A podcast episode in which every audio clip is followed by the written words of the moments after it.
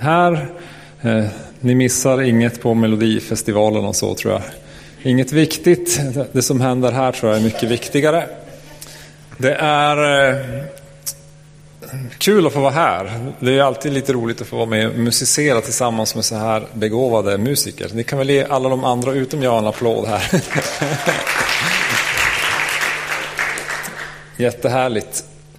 Jag ska dela några tankar ikväll. Det kanske inte blir en klassisk predikan så här, utan jag tänker bara köra några saker som, som har varit väldigt viktiga för mig och det kanske blir lite undervisande ändå eftersom det är så jag fungerar. Så där. Eh, I veckan så fick jag möta en, jag vill inte säga idoler, men det är nära på, alltså en, en man som heter Bill Hybels. Eh, ni kanske inte vet vem han är, men han är pastor i en av de största församlingarna i USA. Och jag fick äran att hämta honom på Arlanda med min lilla Renault. Det kändes eh, avigt på något sätt. Sådär. Eh, det är liksom, ja, han är jättekänd och jag har lyssnat på honom jättemånga gånger och sådär. Och så fick jag möjlighet att prata med honom och möta honom och det, var, det kändes lite stort. Sådär. Men sen var det en ledardag här i Philadelphia i veckan och då pratade han och jag berördes starkt, inte av att han är liksom en sån spännande ledare och en sån känd person, utan av hans passion för, för Jesus, för evangeliet, för Guds rike.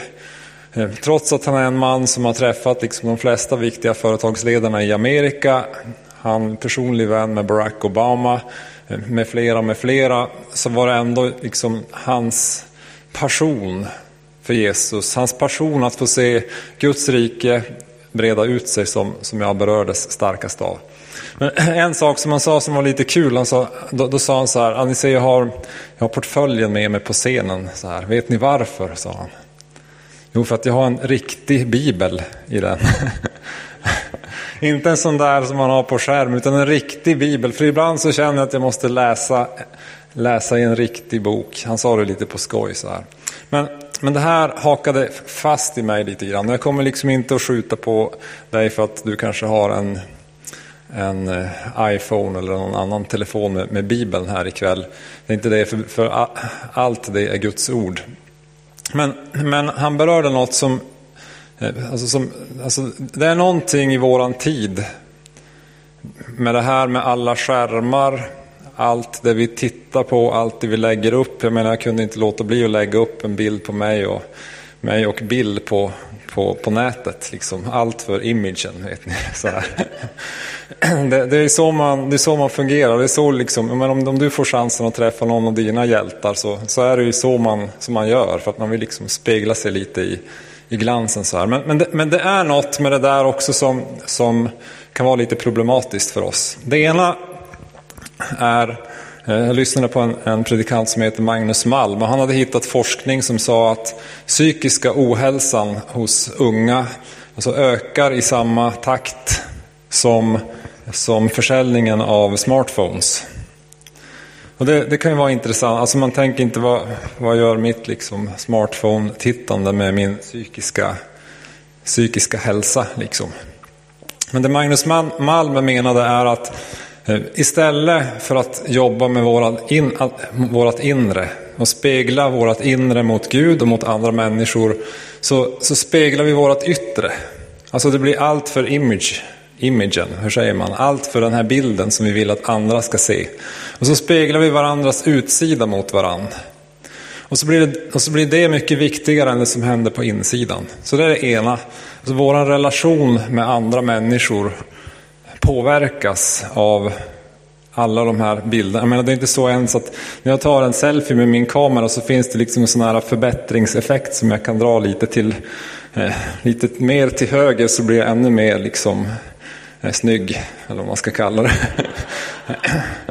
så, så jag menar, det, det, är inte ens så att bilderna är helt sanna längre, utan de är ju nästan sanna. Alltså det, det här gör något med oss. Det andra som jag skulle vilja komma in på här, det är ju vad gör det här med våra, våra inre bilder som handlar om tron och som handlar om Gud? För vi, vi utsätts för mängder av bilder hela dagarna. Det är filmsnuttar, det är Youtube-klipp, det är vad mina kompisar har ätit till lunch, det är Alla de här sakerna som vi ser och som vi ser och som vi ser. Och det, det gör ju något med vår förmåga att föreställa oss. Så när jag nu talar här så är det, jag ska vara ovanligt old school ikväll. Det blir inga bilder på väggen. Det blir en, en riktig bibel så här. Och så blir det några texter. För jag, jag vill använda de texterna för att alltså, hjälpa dig att få tag i, i de här inre bilderna. Min första textrad den är från Matteus 6.33 och den tar vi utan till så här. Nej, sök först Guds rike och hans rättfärdighet så ska ni få allt detta andra också. Sök först Guds rike. Vad är det? Alltså vad är Guds rike? Vilka bilder får vi när vi pratar om Guds rike? Och hur gör man? Hur söker man efter det? Hur får man tag i det så att vi ska få allt det här andra också? Så det här är några frågor som vi behöver, om, om vi nu läser eller citerar bibelordet, det behöver vi få tag i. Det behöver vi greppa. Och då kommer vi in här i en, min först, mina första bibel, två bibelverser från Hebreer, jag kan inte prata ordentligt här ikväll, Hebreerbrevet 11. Om du nu har en riktig bibel eller en annan riktig bibel så, så slå gärna upp det här. Hebreerbrevet 11 och vers 1. Tron är en övertygelse om det man hoppas, en visshet om ting som man inte ser. Lägger ni märke till det här tro och inte se som, som något som, som är viktigt, alltså det är en viktig koppling. Och då, då menar ju den som har skrivit Hebreerbrevet förstås, alltså det vi ser med våra fysiska ögon. Alltså Gud, tron, Guds rike är inte i första hand det vi ser med våra fysiska ögon, utan det är det vi inte ser. Som också är en verklighet. Som är en andlig verklighet. En övertygelse om det man hoppas, en visshet om ting som man inte ser. Och så vers 6. Utan tro är det omöjligt att behaga Gud. För den som kommer till honom måste tro att han finns och att han lönar dem som söker honom. Tro att han finns och att han lönar dem som söker honom. Alltså här kommer det här söka igen. Vi sjöng det i sången precis innan här också. Att, att om att söka Gud. Så vad, vad innebär det? Att söka efter? Är det att ge sig ut i skogen och leta mellan tallarna? Eller, eller vad, vad, vad, vad gör man med det? Jo, det är, kopplat till det här med tron. Det är kopplat till det vi inte ser. Och jag, här kommer vi tillbaka till min, min lilla inledning här. Jag tror att det är problematiskt för oss att vi fyller oss själva med så många bilder. För när vi då, pra, när vi då liksom vill liksom rikta in oss mot Jesus, om vi vill söka Gud, om vi vill ta tid med Gud, så, så är det så många andra bilder som är där. Och så plingar det till lite i telefonen och så är det en ny bild. Och så blir liksom den här äh, trons inre värld i oss rubbad av alla, alla bilder som, som är där. Och nu är inte det här på något sätt för att trycka ner varken dig eller någon annan. Utan jag känner ju, det här är någonting som, som jag är väldigt berörd av själv också. För det är det vi lever i. Vi har skärmarna där hela tiden. Vi har alla bilderna, vi har alla tankarna, vi har allt det här som, som rör sig. Så det vi inte ser och att vi blir lönade när vi söker honom. Att det finns någonting mer för oss som är viktigt för oss, som vi kan bli belönade av om vi söker efter Gud i tron i det vi inte kan se. Det här låter väldigt flummigt, det hör jag själv liksom när jag säger det och jag förstår att, att det här inte är helt enkelt. Så därför ska, ska vi gå till Efeserbrevet, till första kapitlet. Från vers 15. Och här kommer några av de här orden igen.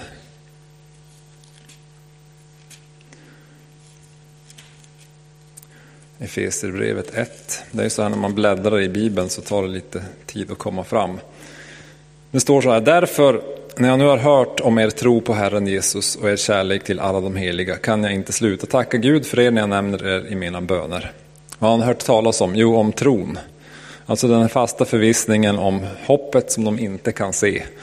Den tron har de här människorna och därför så tackar Paulus Gud. Tro. Att tro på Gud. Att ha en tillit till Gud, att lita på att Gud finns. Att våga, du kanske inte ens är säker på att Gud finns. Och det är ju för att vi inte kan se Gud här och nu. Men, men det betyder inte att han inte finns, utan han är ändå verklig. Han finns här. Det som Paulus sen skriver är så här. Jag ber att vår Herre Jesu Kristi Gud, härlighetens far, ska ge er vishetens och uppenbarelsens ande så att ni får en rätt kunskap om honom. Alltså, vi kan få kunskap om den här guden som vi inte kan se. Man kan lära känna honom. Man kan förstå vem han är.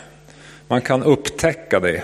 Och man gör det genom att få tag i vishetens och uppenbarelsens ande. Alltså Gud har sänt av sin, sin ande, sin eh, liksom osynliga närvaro kanske man ska säga, till oss.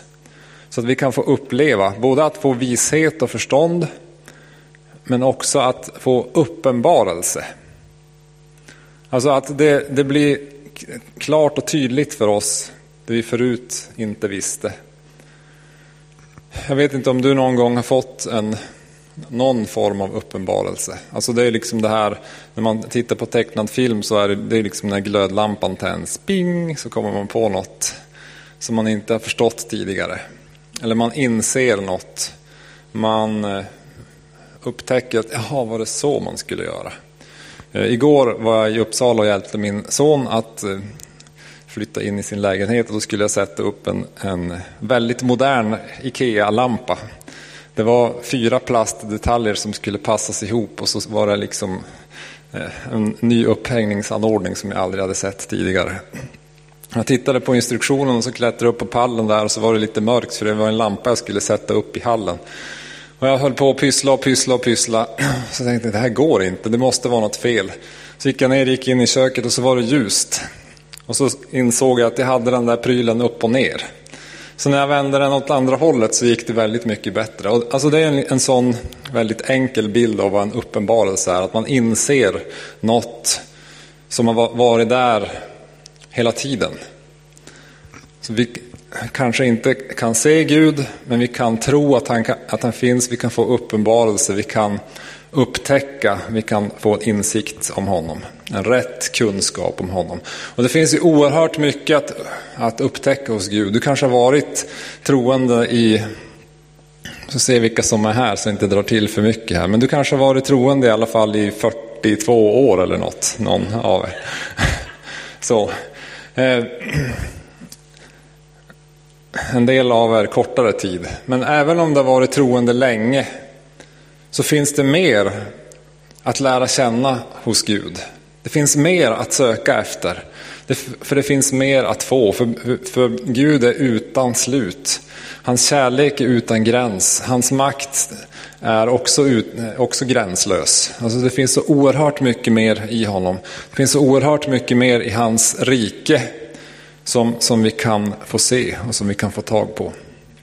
Så Paulus fortsätter att be så här. Jag ber att era hjärtans ögon ska få ljus så att ni förstår vilket hopp han har kallat er till, hur rikt och härligt hans arv är bland de heliga och hur oerhört stor hans makt är i oss som tror.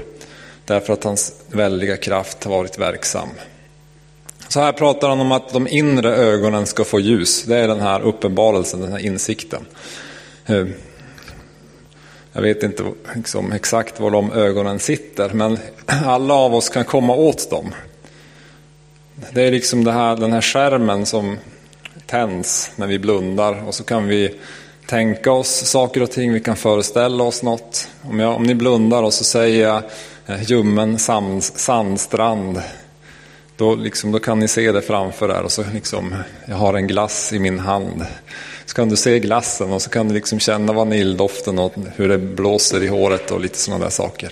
Alltså den föreställningsförmågan har vi, det är den inre bilden som, som vi behöver komma åt. Och det är det, det jag tror Alltså det är de bilderna som, som lätt blir förvrängda av alla de här andra bilderna som vi matar oss med. Och därför så tror jag att det är viktigt att vi kommer tillbaks till det här att vi faktiskt ibland stänger av, lägger bort, kommer tillbaks till något så tråkigt som en bibeltext.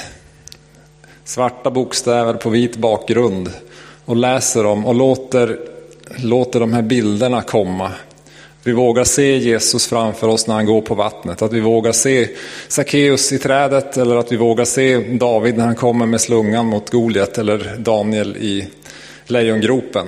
Att vi liksom vågar se de bilderna. För det finns inte på film. Det är sådana som har filmat det, alltså med skådespelare och sånt. Och vi kan, ibland så kan vi ha sådana bilder, men, men det är inte det som händer på riktigt. Men det kan Gud måla upp genom sin ande, med våran ande, med våra inre ögon, när han ger det ljus. Så tro, eh, relation med Gud genom anden och inre ögons ljus. Det är så vi, vi söker Gud. För det som är viktigt är vad som kommer sen här, för, för Paulus skriver så att ni förstår vilket hopp han har kallat er till. Vilket hopp han har kallat er till. Alltså var och en av er är oerhört viktiga för Gud. Gud har en tanke, en plan, en vilja för var och en av oss. Och det är något som är gott för att han har skapat oss för sitt goda. Han har skapat oss för att han älskar oss. Han har skapat oss för att han vill använda oss. Och Jessica kommer att predika mer om det imorgon. Att det finns något speciellt som Gud har tänkt med var och en av oss. Det som är spännande är att jag tror att Gud vill visa oss det. Att han vill måla bilderna för oss på ett sådant sätt så att vi begriper. Både det som är i närtid men kanske också det som är längre bort. När jag var i, kan jag ha varit, 8-10 år, då kom min pappa över en serie böcker på, på någon aktion som, om Djungeldoktorn. Jag vet inte om någon av er har ens hört, hört talas om de böckerna. Det var en missionär som åkte till Afrika. Han läste de här för mig och min bror på kvällarna och alltså, jag berördes. Berättelserna, leoparden, lejonen, eh, sjukdomarna, bilen som gick sönder, alla de sakerna. Och människor som kom till tro, som blev berörda av Gud. Och det, här gjorde, alltså det här väckte något i mig, det liksom väckte ett hopp i mig. När jag tänkte på mig själv, när jag bad, när jag tänkte på min framtid så fanns hoppet där. Eh, kallelsen till ett hopp om att få betjäna människor, att beröra människor med Guds godhet. Att få se människor bli botade, helade, upprättade och räddade. Och sen drömde jag väl om att få se något lejon eller någon leopard eller något någon gång också. Men det har jag inte gjort än, mer än på djurpark. Det kanske kommer.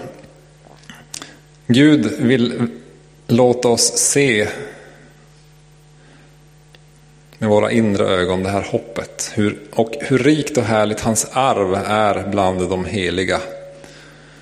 Alltså det, det vi ärver av Gud genom Jesus, allt det Gud vill ge oss genom Jesus, allt det som finns i Guds rike.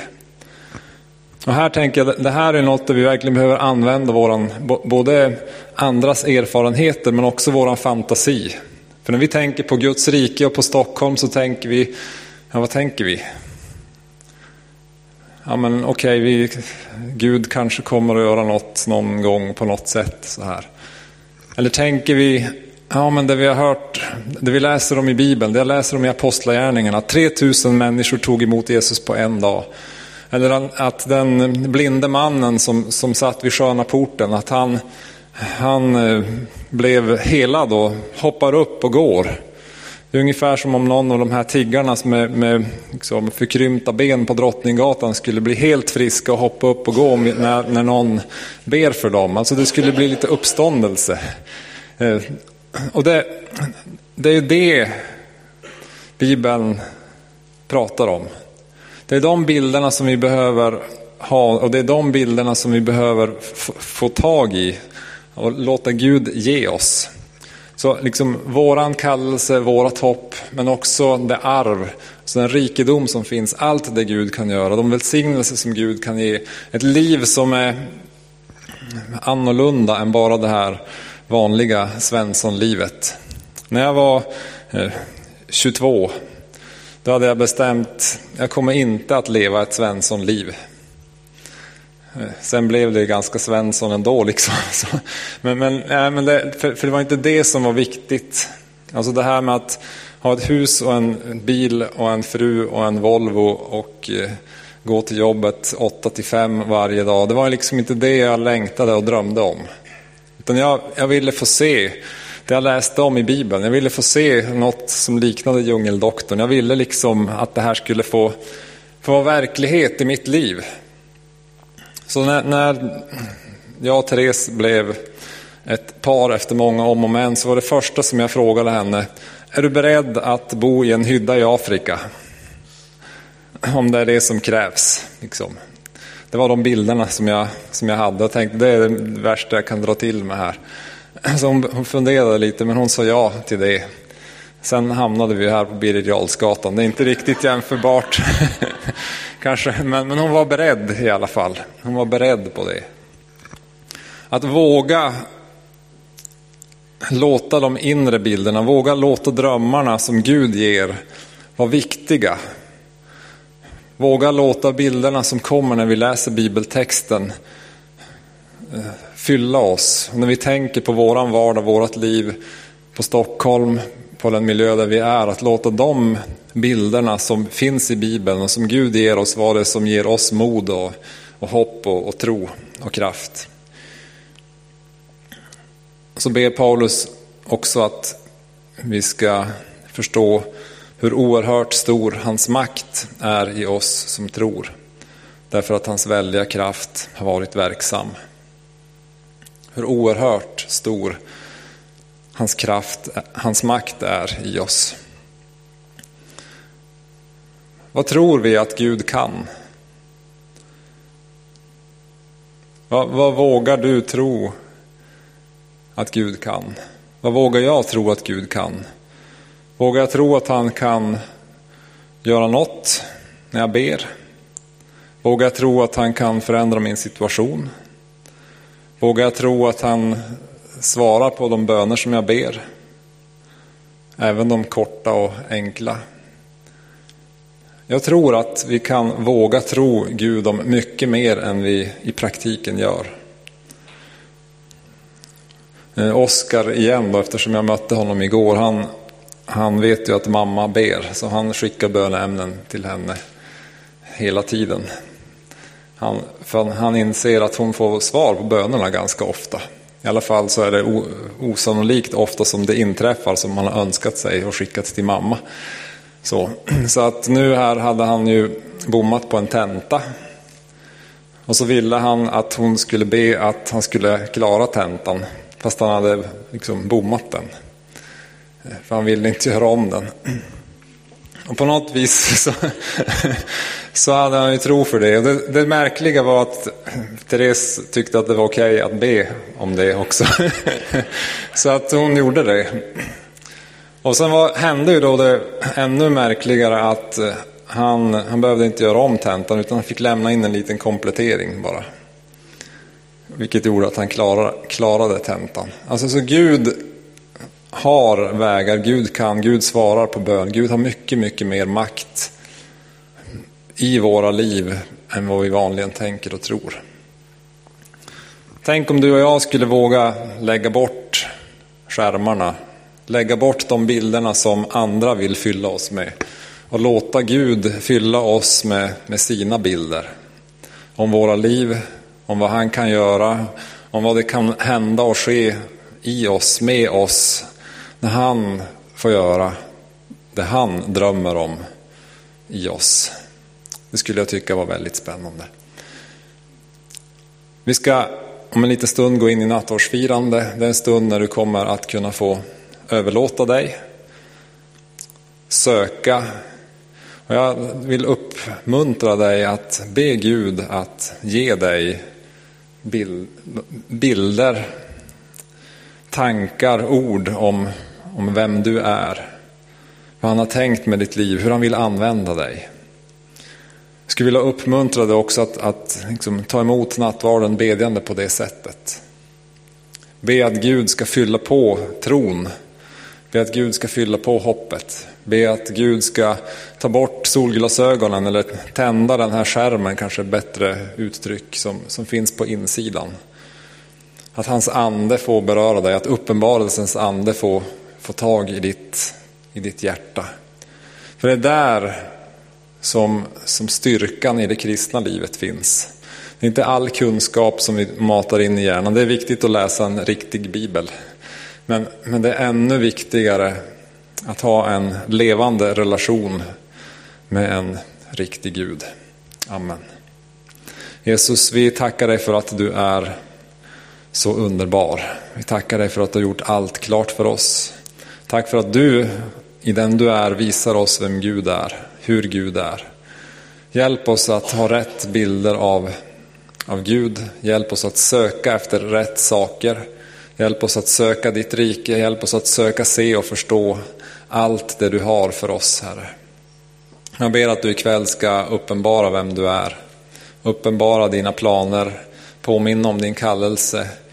Ge nytt hopp, ge nytt liv. Visa din makt. Vi ber om det i Jesu namn. Amen.